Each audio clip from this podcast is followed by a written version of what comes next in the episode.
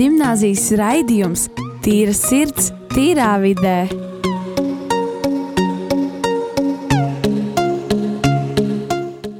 Esiet sveicināti atpakaļ Rīgas katoļu ģimnāzijas raidījumā Tīra sirds, tīrā vidē. Šodien raidījumu vadīšu es, Rojas Rāvs Bidzāns, un man studijā ir brīnišķīgi jaunieši Regīna, Markus, pie kolēģiem Kristers un Sintī. Un šodien mums ir īpašs viesis mūsu šajā raidījumā - priesteris Modris Lācis. Labvakar! Ko patiešām prieks jūs redzēt, prieks jūs visus redzēt šeit, prieks un uh, ka varam atkal šeit būt un patiešām runāties. Nu, ko, par ko mēs šodien varētu parunāt? Šodien mēs varētu parunāt par tādu dienu, kas bija nesen tāda patiešām arī, uh, arī uh, katoļiem tāda diezgan nozīmīga diena, zvaigznes diena. Uh, bet man tāds jautājums uzreiz jūtas jums jaunieši. Ja jūs, nezinu, vai jūs esat dzirdējuši par tādu, bet pat ja jūs nebūtu, kas būtu pirmais, kas jūs prātā ierost, kas būtu tā pirmā doma, kas jūs prātā uzliektu, kad jūs dzirdētu zvaigznes dienu? Gadījumā, ja es nezinātu, ja es tiešām nu, es, tā kā nezinātu, ja es nebūtu nemācījušies šajā skolā, ja, tad, uh, tad, manuprāt, zvaigznes diena tas pilnīgi diezgan acīm redzami, tas ir saistīts ar kaut kādu zvaigzni. Un tad es iedomājos, tādu spožu zvaigzni, kas spīd visiem priekšā. Man varbūt asociētos ar slavenībām, kā zvaigžņu diena. Es nezinu, kā varbūt kaut kas tāds varētu dažiem ienākt prātā. Jā, es mazliet arī sliecos pie tavas puses, Regīna. Es domāju, ka tas ir kaut kas saistīts ar Latviju. kā Tā Latvijas piemineklis, kas tur ir trīs zvaigznes. Un tad liekas, ok, kaut kāda zvaigznes ciena, kaut, kāds, kaut kādas slavenības. Bet, Priester Modra, tad man jums ir jautājums, kas īsti ir zvaigznes diena? Kāpēc mēs tādu svinam un kas tā tāda ir? Jā, es iedomājos, ka mums ir abi pieminekļi abās Daugavas malās. Brīvības piemineklis ar trim zvaigznēm, un šeit uh, uzvaras piemineklis ar zvaigznēm, kas atkal kaut ko citu simbolizē. Bet, uh, protams, arī uh, es uh, jums pašiem arī misē atgādināju, ka jūs arī esat zvaigznes, kas uh, rā, rāda ceļu. Tā, tāda kā bija zvaigzne, kas rādīja ceļu trim austrumu gudriem. Eh, Tādas zvaigznes mēs katrs arī esam saviem līdzcilvēkiem, īpaši jūs jaunieši, jauniešiem, kā mēs pirms redzējuma arī te pārspriedām, kā tas uh, ir iespējams, ka tu esi uh, kā Jānis Kristītājs vai kā tas, kurš aizved jaunieti pie Dieva. Un uh, šo dienu, epifāniju, uh, sauc arī par uh, parādīšanās uh, svētkiem, kunga parādīšanās vai triju ķēniņu vai triju austrumu gudro svētkiem. Un, uh, tie ir no dažādām zemēm, pat uh, dažreiz salīdzina ka no dažādiem kontinentiem. Viņi nāk, ka viens ir Eiropietis, viens ir Aziāts un viens Afrikānis, un ka viņi aiziet uh, un satiekas uh, pie Betlēmē, pie Jēzus, uh, un um, viņam dod uh, trīs uh, dažādas dāvanas - zeltu, vīraku un mirres, uh, kas simbolizē uh, zelts viņa karaliskumu, uh, vīraks uh, to, ka viņš ir, ir kā dievs, un mirres, ka viņš uh, par mums atdos savu dzīvību. Un tāda īsumā ir šī svētku nozīme. Jā, paldies patiešām. Un, jā, ir interesanti klausīties, ka eh, šie trīs no pilnīgi dažādiem kontinentiem ā, sanākuši šo vienu vietu. un Varbūt tagad tas šķiet tā, nu, tā diezgan vienkārši. Nu, tagad varētu paņemt lidmašīnu, aizlidot, visu var sak, sameklēt, kur kas atrodas. Bet, ja mēs ņemam tos laikus, kad nebija nekādas lidmašīnas, nebija nekādas īstas kartes, tādas, kur mēs varētu vienkārši paskatīties, un mēs zinām visu, kur viss atrodas. Būtu diezgan, ja mums, mēs būtu tajos laikos, mums būtu diezgan grūti patiešām nonākt un saprast, uh, kur tad šis uh, pasaules teiksim, tā, pestītājs mesija ir piedzimis. Un, uh, uh, tiešām tad rodas tāds jautājums, kā viņi vispār tur nokļuva. Un, uh, uh, ja mēs lasām Bībelē, mēs dzirdam, ka viņi vadījās pēc kādas zvaigznes. Tā nebija šī kaut kāda parastā zvaigzne. Cik es tā saprotu, modri, varbūt jūs varētu mazliet vairāk pastāstīt, ko, uh, kas tad ir šī zvaigzne, vai tā ir vienkārši zvaigzne, un kā, no kurienes tā parādījās, un, un kāpēc viņi tieši seko šī zvaigznē, kā viņi zināja, ka tieši šī zvaigznē vajag sekot. Jā, uh, ir arī uh, cita uh, tāda tradīcija vai skaidrojums, ka šie austrumu gudrie varētu būt visi no austrumiem un ka varētu būt no Babilonas, piemēram, kaldeji, astronomi, kuri orientējās pēc zvaigznēm, kuri nodarbojas gan ar astronomiju, gan daļai arī ar astroloģiju, par zvaigžņu ietekmi uz cilvēku likteņiem un uh, uz mūsu dzīvēm. Un kas tad būtu šī zvaigzne, ja viņa ir kāda īpaša zvaigzne? Jo, ja tā būtu polāra zvaigzne, tad vienkārši orientētos, ka ir jāiet tajā virzienā un noteiktas koordinātas. Bet tam iespējams, ka tajā laikā vēl šāda orientēšanās, piemēram, jūrniekiem vēl nebija tik labi attīstīta. Kaut kas jau noteikti bija, bet tā kā viduslaikos, piemēram, arābi ar nu, zvaigžņu palīdzību varēja braukt pāri jūrai un visu labi uh, saprast, ka tas vēl bija tādā attīstības stadijā. Tad viens no variantiem ir, ka šī spožā zvaigzne varēja būt kaut kāda komēta. Tas mazliet arī izskaidro to, ka uh, šī komēta apstājas virs uh, tās vietas, kur ir Jēzus. Bet, uh, lai viņi noskaidrotu, kur tieši tas ir, viņi ir nākuši uz šīs vietas, ja var teikt, tā galvaspilsētu, un satiek Herodu. Bet tam tas ir cits Herods nekā pēc tam Jēzus ciešanu laikā, un, kurš ir viņa pēctecis. Un šis Herods, viņš, protams, ka viņš nezina, kur varētu būt tas jaunais ķēniņš, un tad viņš sasauca tos vietējos gudros, rakstu pazinējus, kuri viņam paskaidro, jā, ir tāds vecajā derībā stāsts par to, ka mesijam, ja pasaules glābējam, ir jāpiedzimst Betlēmē, un tad viņi dodas uz Betlēmi, un arī zvaigznīt, kā viņus pavada. Bet problēma ir tā, ka, ka Herods ir vēlējies, lai viņi atgriežas pie viņa un izstāsta, kur tad viņš piedzims, un tad varētu viņus, respektīvi šo jaundzimušo pestītāju, kas ir viņa konkurents, eh, valdnieks, pasaules ķēniņš, ka viņi varētu noslapkavot. Un eh, to arī pirms raidījuma teica, ka tā ir problēma, ka, kā tas ir, ka viena cilvēka dēļ atkal ļoti daudzi, tad visi, kas bija divu gadu veci, no zīdaiņa vecuma līdz divu gadu vecumam, tika noslaktēti. Un, protams, ka tas arī mums uh, ir tāds viens jautājums. Bet uh, tātad gan uh, svētie raksti mums pasaka priekšā par Betlēmi, un tad arī šī astronomija un iespējams komēta. Ja? Nu jā, patiešām arī pie šīs uh, problēmas mēs pieskarsimies mazliet vēlāk raidījumā, bet jā, uh, interesanti, ka tieši uh, viņi tiešām tiek vadīti pēc šīs komētas, un viņi nonāk tiešām uh, pie šī jēzus, kas jau ir tāds brīnums, ka tiešām tieši sakrīt tas laiks, kur viņš piedzimst, un tieši tas, ka tas patiešām no Dieva uh, vadīts šis viss, un uh, Dieva vadīts un atklāts. Un, tad rodas jautājums, uh, kāpēc, kur, kur ienāk šis dāvana stāsts, kāpēc, vai Jēzum ir vajadzīgs šīs dāvanas, vai kur viņš viņas lieto, vai kāpēc uh, viņam vispār tiek dāvināta dāvāns uh, šajā laikā, kāda ir šī varbūt dāvana nozīme. Varbūt jūs varētu mazliet priesti pakomentēt. Jā, mēs arī uh, Ceturtdienas svētajā misē svētījām uh, zeltu, vīraku un krītu. Un trešā dāvana uh, savukārt bija mirres. Un es mazliet arī uh, jums jau teicu, ka zelts tiek dāvināts Jēzum kā ķēniņam, kurš kļūst par jūdu ķēniņu, un pie tam viņa tautas brāļi daudzi saka, nē, nē, neraksta jūdu ķēniņš, bet raksta, ka viņš teica, ka viņš ir jūdu ķēniņš. Bet eh, tīri praktiski tas zelts, protams, noder viņu eh, tam ceļojumam uz Eģipti, kamēr viņiem vajag paslēpties no Heroda. Un, eh, gan par naktsmājām, gan par ēdināšanu. Droši vien jau divos gados arī kaut kas ar drēbēm, jaunas drēbes ir vajadzīgas. Un visas šīs praktiskās vajadzības, kamēr tu ceļo un vienlaicīgi nevar strādāt, tad uh, praktiski tas ļoti noderēja. Nu, vīraks Protams, tas ir kā dievam, jo viņš ir dieva dēls, reizē dievs, reizē cilvēks, un ka mēs viņu pielūdzam, tāpēc ka viņš ir dievs un kūpinām viņam vīraku, kā ministranti un arī priesteris apkūpina altāri, un, un pēc tam tas, kas ir kā dievs, arī dieva tauta, kas ir jāapkūpina, un priesteris kā dieva vietnieks tajā brīdī, kad viņš svin misi. Un tad tas vīraks to simbolizē.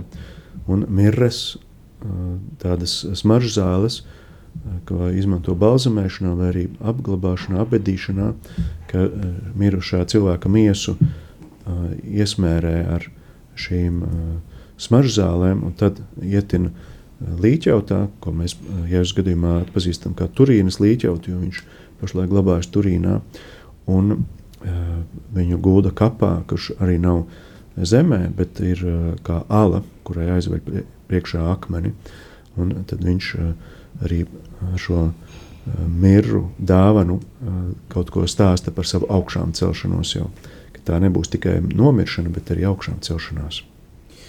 Jā, tiešām ir interesanti redzēt, ka gan šīs dāvanas nodara praktiski, gan arī tās jau ir kā pravietojums par to, kas notiks, un tiešām pravietojuma piepildījums.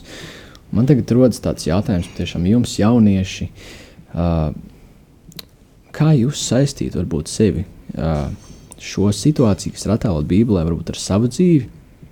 Vai jums ir kādas idejas, kad ir šis ceļš, mērojamais garais ceļš, kā mūsu dzīve? Un, uh, tiešām, un kā bieži vien mēs uh, pat nezinām līdz galam. Uh, mēs šaubamies, vai mēs nonāksim tur, kur mēs vēlamies nonākt, vai mūsu cerības piepildīsies. Vai jums ir bijis tāds sajūta, ka jūs ejat kaut kur uh, bieži vien, uh, vai jūs aizdomājaties par to, kādas lietas, uh, kāda notikuma dzīvē, kāpēc tie notiek, un uh, tad rodas šaubas vispār, vai kaut kas labs no tā var sanākt. Es uzskatu, ka visa mana dzīve ir viens liels ceļš. Ja? Kā, pat ja tu domā, ka es nonācu gala punktā, vienalga pēc tam kaut kur tālāk dosies, un tad palielināt visu laiku kaut kur dzīvi kaut kur ceļā. Un, un, un es, es, es dzīvoju pēc tāda uzskata, ka kā ir noticis, tā bija jābūt. Nu, nu, tā kā es Dievs gribēs, lai man tā, not, lai man tā notiktu. Varbūt tas bija kaut kas slikts, bet beigās es zinu, ka būs viss labi. Es, nu, tas tāds, tas uzskats man ļoti palīdz pēc dzīvē arī tālāk, nu, tālāk arī tikt, jo es zinu, ka beigās viss būs labi. Pārbaudīs darbu nolikt, un dabūsi slikti, nekas, pēc tam dabūsi, varēs pārrakstīt, ja? un tiešām pēc tam ir labi. Un uh, kaut kāda, tur ir kaut kāds strīds, bet beigās vai nu es pierādu savējo, tad beigās mēs izlīkstam, vai tas otrs cilvēks pierāda savējo, mēs, un, tad, un mēs tad iz, vienalga izlīkstam. Nu, beigās viss atrisinās. Uh, jā, es domāju arī par to, ka mūsu visa dzīve ir ceļš, un uh, ka tās dāvanas arī bišķi attēlo arī mūsu dzīvi. Piemēram, tā vīra, attēlo to, ka mēs tiešām ticam Dievam un ka mēs uh, varam uz viņu paļauties. Zelts ir tāds kā mūsu dzīves augstākais punkts, mūsu nezinu, karjeras attīstība, dzīve, visa kā mums ir paredzēts, ka mums viss iet pareizi. Un tās mīras norāda to, ka arī mūsu dzīvē pienāks gals kādreiz. Jā, patiešām labs skaidrojums. Regīna patiešām tāds ļoti tāds, uh, dzīves, teiksim tā. Markus, jā, tu arī minēji par to, ka, ka viss notiek kā tam jānotiek, un beigās viss atrisinās. Bet uh, kādas sajūtas tev rodas varbūt tādos brīžos, kad neatrisinās kaut kas, ko tu gribētu, lai atrisinās?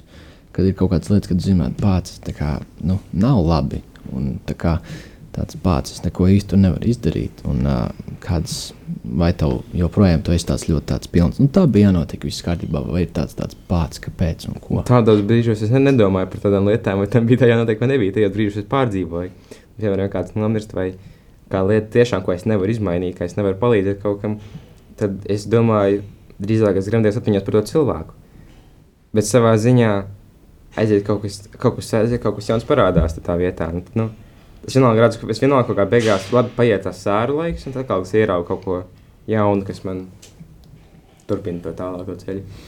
Jā, pareizi. Varbūt vai jums ir bijusi šāda pieredze dzīvē, ka jums ir kaut kādas dažādas lietas, kuras ir grūti pieņemt, ka tās notiek un ka jūs neredzat, varbūt risinājumu šajā brīdī, un ir kaut kādas tādas bezcerības, tādas domas, vai, vai ir tā, ka vienmēr jums ir tāds, nu, Dievs zina, un viņš paļaujas, un, un es paļaujos viņu, un viss būs ok.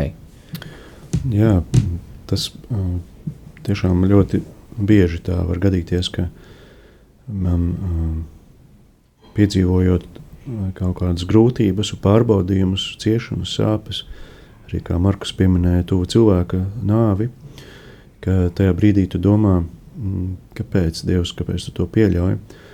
Un parasti es arī tā domāju, nu, jā, tagad es palūkšos un, Un, uh, gan jau tas pāries un sadzīs tā brūce, un, uh, piemēram, par to cilvēku nāvi tas tā arī ir, ka pēc vairākiem gadiem tu vairs tik sāpīgi to nepārdzīvo. Ka, nu jā, varbūt arī ir asaras un, un daudz atmiņas, bet arī ir tāda varbūt smeldze vai arī tāda liela pateicība, ka tu arvien vairāk atceries to labo, kas ir bijis un uh, pilnīgi neko negribi atcerēties no tā, kas uh, varbūt kādreiz ir kāds aizvainojums bijis vai kaut kas nepareizs, bet uh, tu zini, ka Dievs to arī var vērst par labu, viņš var šim cilvēkam dāvāt uh, savu klātbūtni tur debesu valstībā.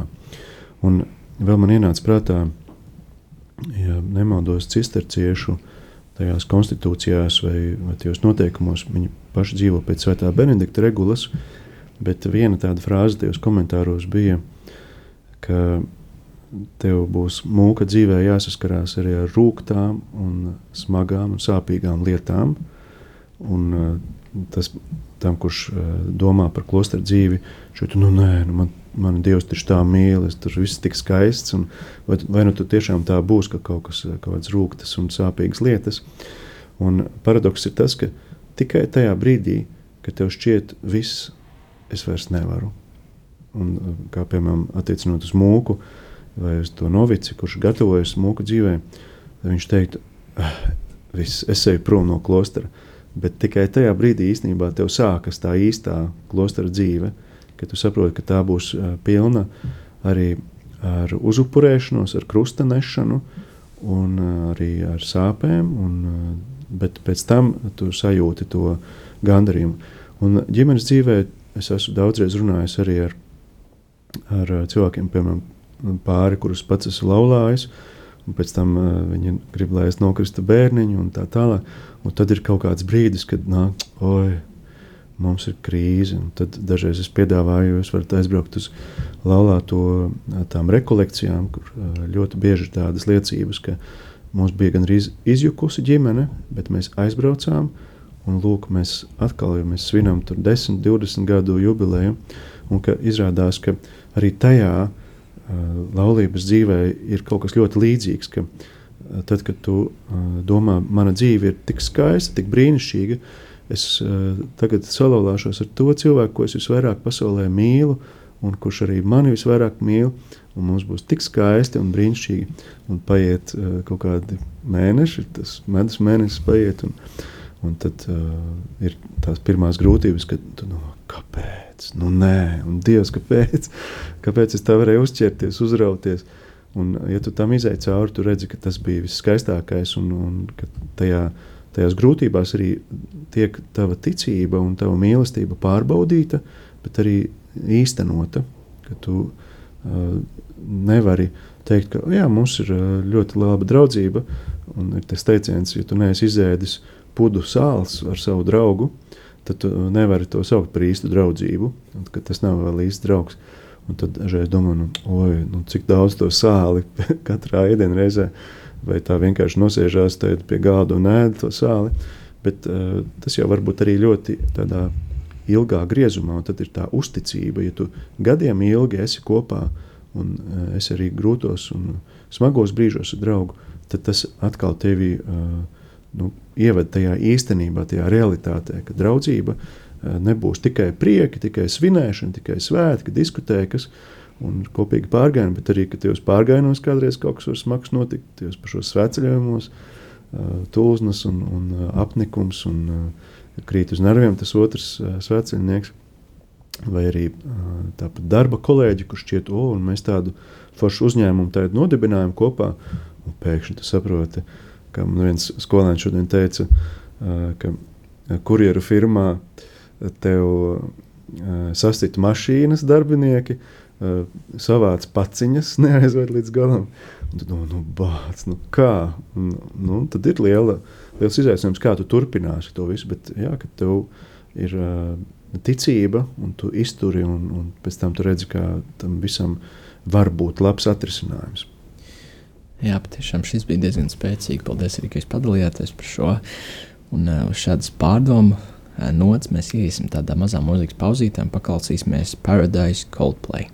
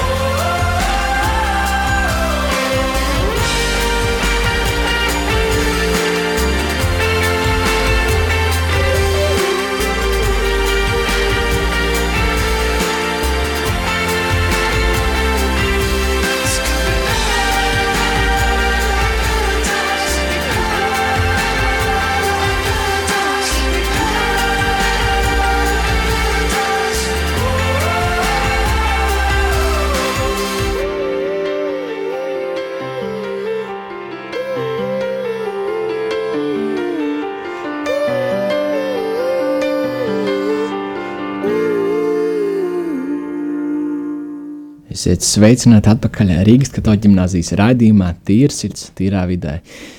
Pirmajā raidījuma daļā mazliet parunājām par zvaigz, zvaigznes dienu un par tās nozīmi, mazliet par šo zvaigzni pašu un par šīm dāvanām, un iesākam arī patiešām par tādu tēmu par mazliet sasaistījām to ar dzīvi, ar mūsu dzīves ceļu un ar kaut kādām problēmām, un kā mēs tam reaģējam. Un arī es vēlos ar to paturpināt mazliet.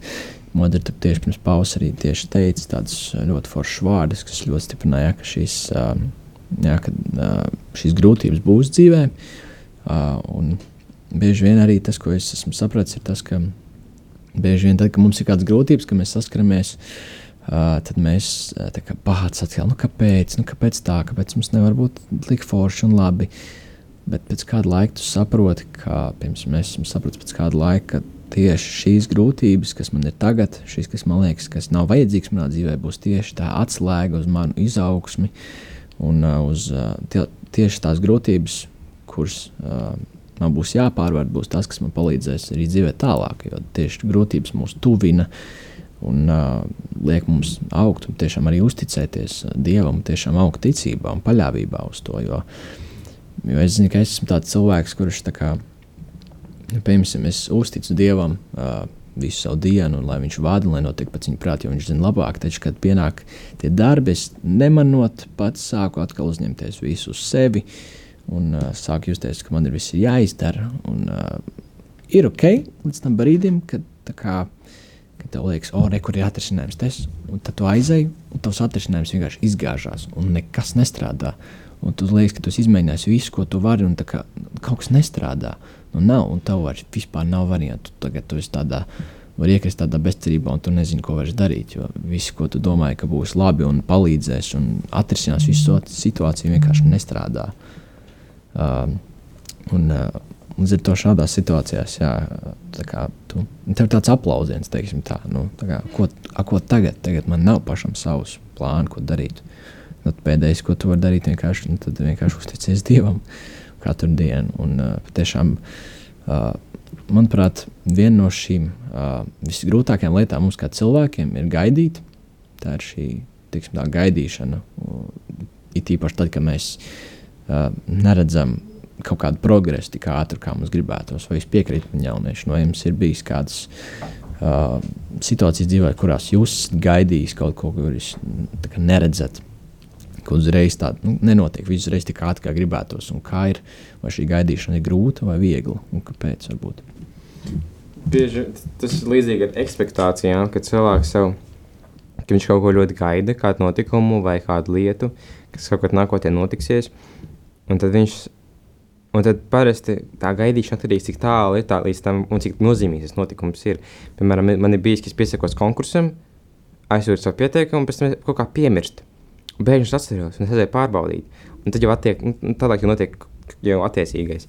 Un, bet, bet, bet tas cilvēks ir uzbūvējis expectācijas, un tad arī tā kā, vai viņš vai aiziet, vai tās expectācijas piepildās vai nē. Un jo ilgāks laiks cilvēkam ir gaidīt, jo vairāk šīs expectācijas var radīt, ka jā, es noteikti dabūšu, vai noteikti būs, vai kaut kas tāds. Nu, ļoti sevi uzkurina, tad beigās varbūt nav nemaz tik labi. Tad, tas ir tas, tas, tas, tas gaidīšanas laiks, bet arī cilvēks, kas, kas tā, man, man pašam gadījies, kas pilnībā piemirst par to, ko es, ko es gaidu. Un tad tāds patīkams pārsteigums, ko es saņemu. Jā. Man vairāk tā gaidīšana, kas pēdējā laikā ir bijusi, ir diezgan skumja pieredze. Man, man vismaz tā ir. Jo manā tante bija slimnīcā, un mēs cerējām, ka viņai viss būs kārtībā. Mēs visi lūdzāmies, un uh, viņa nevarēja no komas pamodināt. Mēs tiešām cerējām, ka viss būs kārtībā. Mums tās, tās lūkšanas jau bija nu, tik ļoti, ļoti sirsnīgas, ka viņas tika uzklausītas. Bet uh, tad visam nejaušā situācijā viss mainījās uz otru pusi. Manas tagad tās gaidīšana vispār ir ļoti sliktā nozīmē. Es to saprotu, jo viss izvērtās pavisam uz citu pusi. Jā, patiešām tādos brīžos ir grūti gaidīt. Varbūt priestri jūs varētu pakomentēt, kā, kā jūs pieredzē ir bijis tā, ka pieši vien uh, ir šī gaidīšana un tad, kā, kāpēc ir tā citreiz, ka tu lūdz Dievam, tu lūdz Dievam no visas spēka, ka nu, maini kaut ko. Un, nu, nenotiek, ka kaut kā aiziet atkal pilnīgi savādāk, un kaut kā tā situācija nemainās. Citreiz liekas, bāc, kāpēc? Vai tad, vai tad Dievs nedzird mani, vai kas tad īsti notiek tādos brīžos? Kā jums ir bijis ar šo pieredzi? Būt? Jā, paldies Roja, par jautājumu.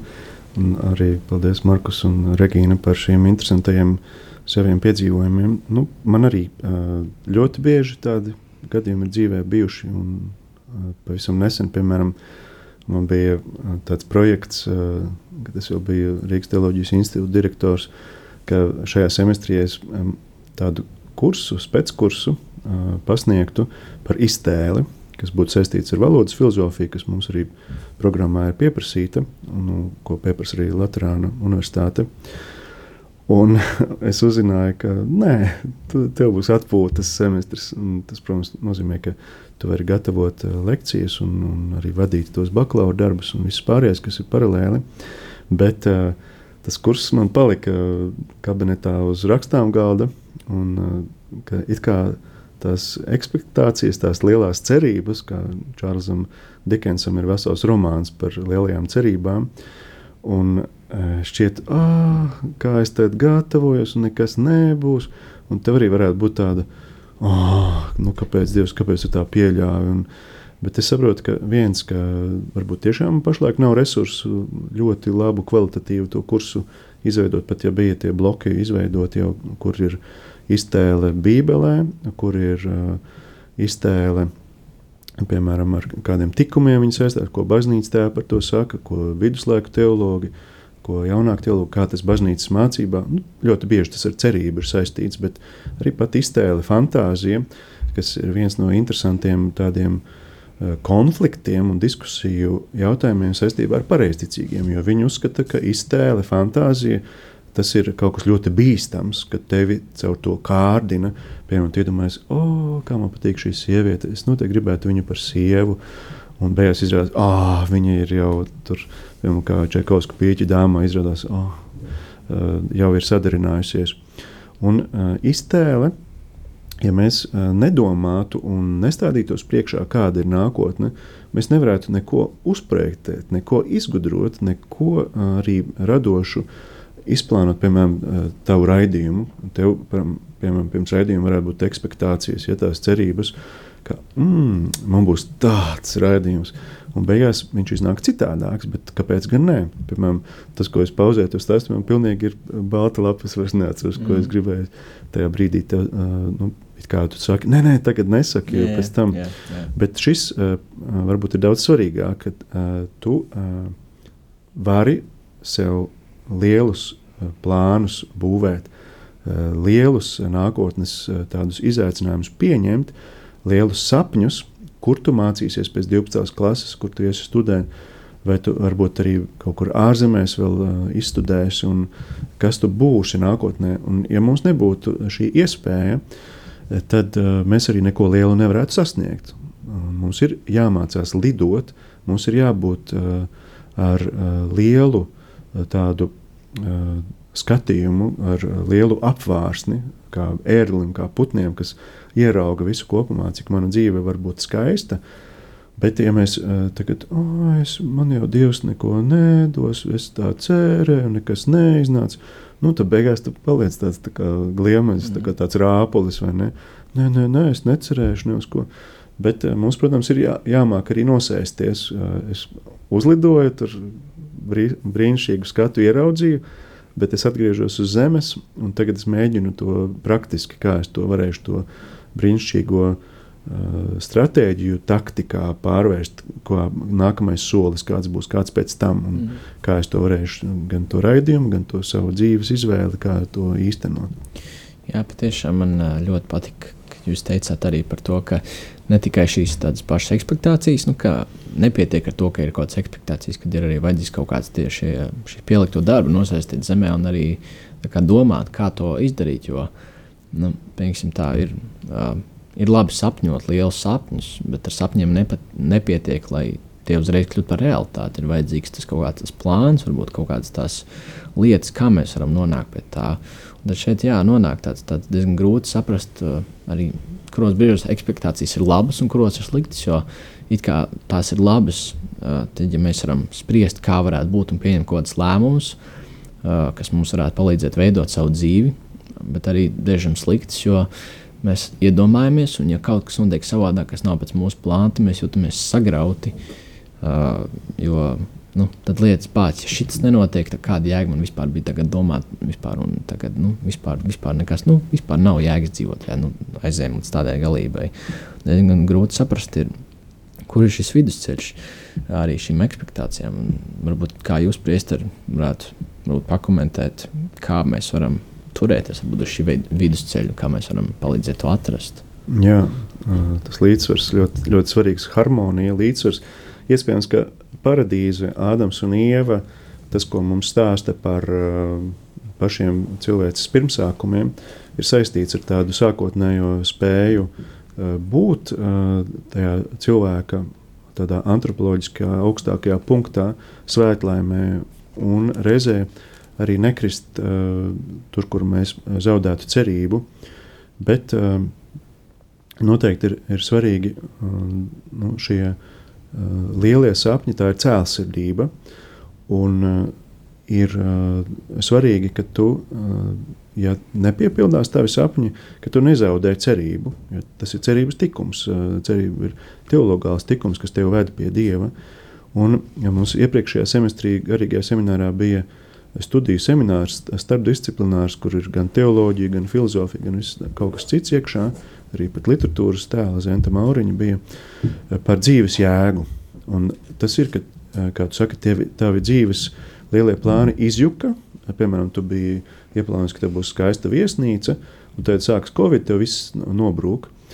Un, eh, kas tad ir tas dzīves jēgas pamats, kas tev piešķir to ticību sev, ticību dievam, cerību sev, cerību dievam un, un mīlestību, kas tev uh, ļautu arī tajās grūtībās izturēt. Mēs uh, šogad svētceļojumā, acīm redzot, to par tēmu izvēlēsimies par uh, kāpēc, un kāpēc nē, kāpēc jā.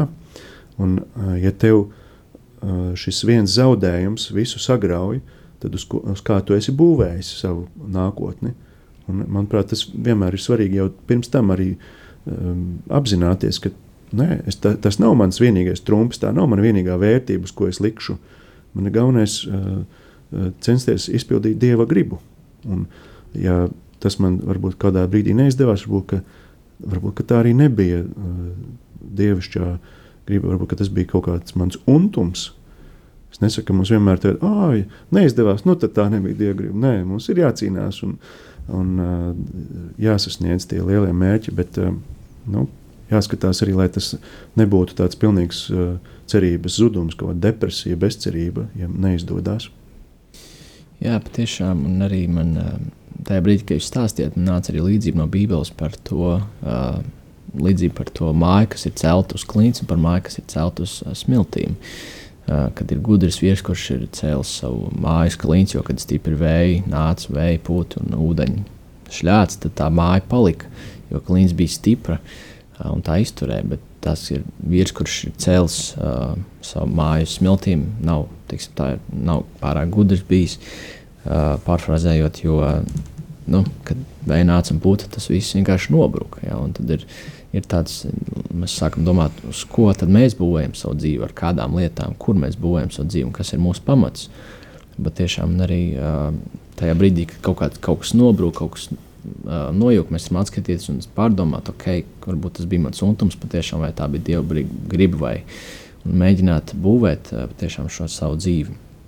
Un uh, šo cerību nepamest, jā, patiešām man arī patika tas tieši, ka, ko pieminējāt. Tad, tad, kad, tad, kad ir šis zemākais punkts uh, mūsu dzīvēm, tad, kad ir kaut kāds tāds, tāds pāts, kas un ko, kad, tad, kad mūs, mēs tiekam sagrauti un ka mēs varam nepamest šo cerību. Un, uh, patiešām pēc tam mēs varam vienkārši redzēt, ka tas viss vienkārši bija tāds viens liels plāns. Jā, nu, tas, kas viss, kas viss Dievs spēja visu izvērst par labu. Un paldies patiešām. Ka jūs bijāt šodien ar mums. Paldies, Priester Modri, paldies visi jaunieši. Droši varat piesakot mums sociālos tīklos, Instagram, tīra sirds, tīra vide. Ne, droši rakstīt e-pastā, tāds pats e-pasts, droši varat rakstīt mums kādus jautājumus un ieteikumus. Un, nu, ko, tiksimies nākamajā reizē. Paldies! Atā. Atā. Tā.